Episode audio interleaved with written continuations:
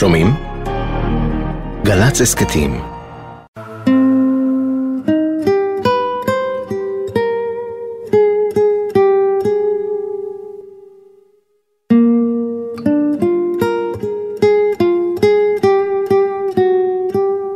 בית משפחת פרידקס לא היה בית שמח במיוחד. יושביו זוכרים בעיקר את פס הקול שעמד כל העת בחלל הבית ברחוב טבריה, מתחת לגנים הבהאים בחיפה, קול נגינה מונוטוני של אקורדיאון שעלה מהמרפסת שסגרו והפכה לחדר ובה הסתגר כמעט כל ימי נעוריו הבן נחמיה, מתאמן עוד ועוד בכלי הנגינה. וזוכרים גם מועקה גדולה שעמדה בין קירות הבית. בית משפחה שבו האם, ניצולת אושוויץ, בוכה וצוחקת, עוסקת בלא הפסקה בסיפור עלייתה הכואב לישראל, באוניית המעפילים אקסודוס, בבני משפחתה שנספו, ובאחיה שהתברר לה שבדרך לא דרך הצליח לברוח מהנאצים לארץ ישראל, ובמשך חודשים חיפשה אחריו, עד שלבית הגיע מכתב חתום בידי בן גוריון, שבו נכתב שנפל בקרבות העצמאות. הוא היה די פנימה, די מופנם, ועסוק מאוד אה, בחדר שלו, היה לו מין, אה, הייתה לו מין מרפסת כזאת שהפכנו אותה לחדר, ושם היה הכל. שלושה מטר על מטר וחצי. היה מיטה ושולחן ואקורדיון ותווים אה, וספרים.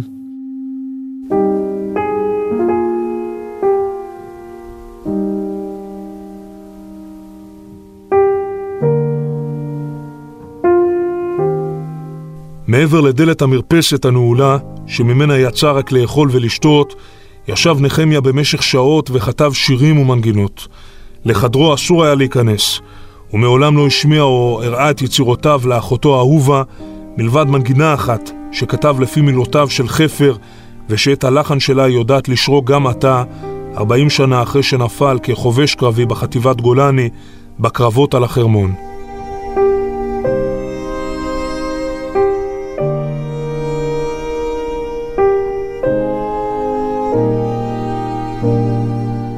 אנחנו היינו בים, ביום האחרון של המלחמה הלכנו לשחות. כשירדנו מהאוטובוס, בפינת שדרות הציונות ורחוב טבריה, אז אה, אימא שלי אמרה לי, אהובה, המון זמן לא שמענו מנחמיה. ואני אמרתי לה, אל תדאגי, כשאנחנו נצטרך לשמוע, נשמע. ואז עלינו, הלכנו הביתה, והחיילים, הקצינים שמודיעים על מה שקרה, כבר היו שם.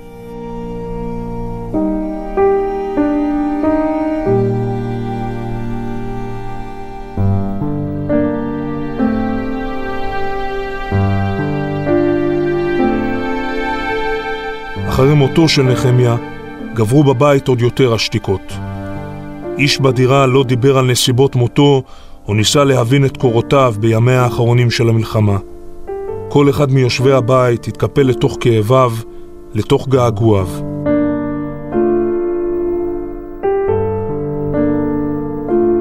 עד שלפני חודשים אחדים קיבלה אהובה במפתיע טלפון. על הקו היה סגן מפקד גדוד 51 של גולני שבו שירת נחמיה, הוא סיפר לאהובה על כנס זיכרון לנופלי קרבות החרמון שמארגן הגדוד בצפון, כנס שבו יוזכר גם אחיה.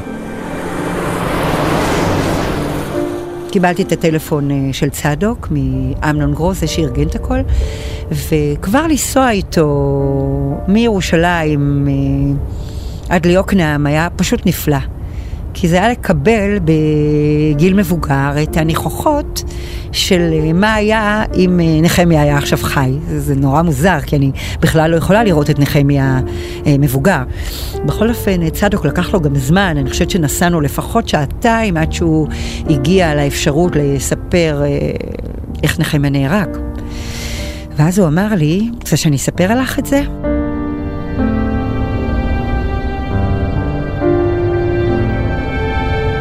אמר לי שנחמיה ביקש ממנו אה, שיעזור לו לסחוב את האלונקה.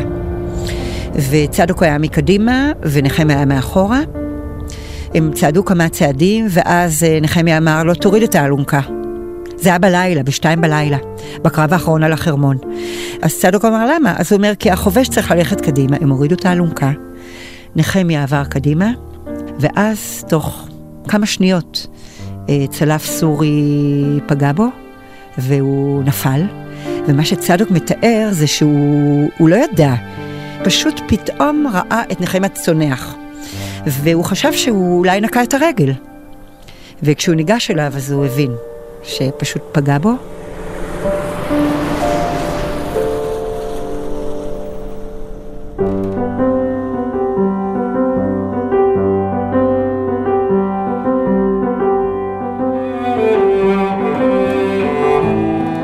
אל הכנס יצא גם נורי, בנה של אהובה, חייל מוסיקאי מצטיין. מארגני הכנס ביקשו ממנו לבצע על הבימה את אחד השירים של דודו שהוא הלחין. שירים שבמשך שנים ראה מונחים על שידת הלילה בחדר האורחים בבית צוותו.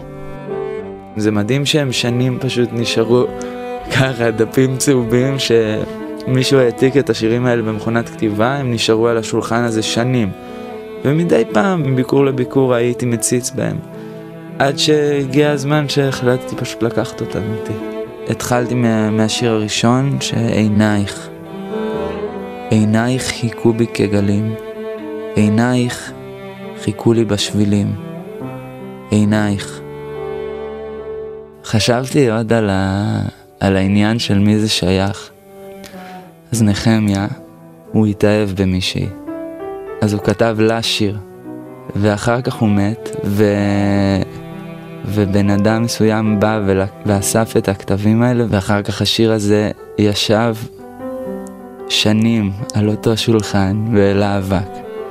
ואז אני הגעתי ולקחתי את הדף הזה, ואחרי כמה זמן נתתי, נתתי למילים האלה מנגינה. ואחר כך אולי בן אדם שפשוט שמע את השיר הזה מאוד מאוד יאהב אותו.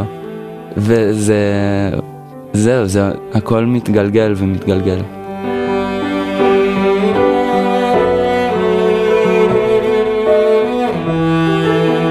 יצא באמת ש...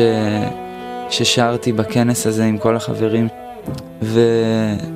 וכשנכנסתי שם לחדר, שהסתכלו עליי כאילו אני כאילו אני נחמיה, בגלל, כנראה בגלל, ה, בגלל הדמיון הפיזי.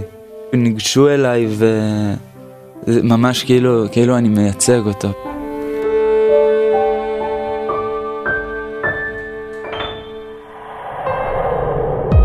סמל ראשון נחמיה פרידקס, בן 21 מחיפה. חובש קרבי בחטיבת גולני. נפל בקרבות החרמון ביומה ה-17 של מלחמת יום הכיפורים 22 באוקטובר 1973. לאחר מותו הוענק לו עיטור המופת. הובא למנוחות בבית העלמין הצבאי בעירו. בעזבונו נמצאו שירים שכתב. מתוכם בחרה הזמרת חגית יאסו לבצע את השיר "עינייך". אני נולדתי בערב יום כיפור, אז הרגשתי מאוד מאוד מחוברת לקחת את השיר שלו, אבל פשוט החיבור של נחמיה וגם אותו אה, בן דוד שלו, הוא שירת איתי באותו צבא, היינו בלהקה צבאית, הוא סוקסופוניסט. זה היה כזה צירוף מקרים שזה, הייתי חייבת פשוט לקחת את השיר הזה.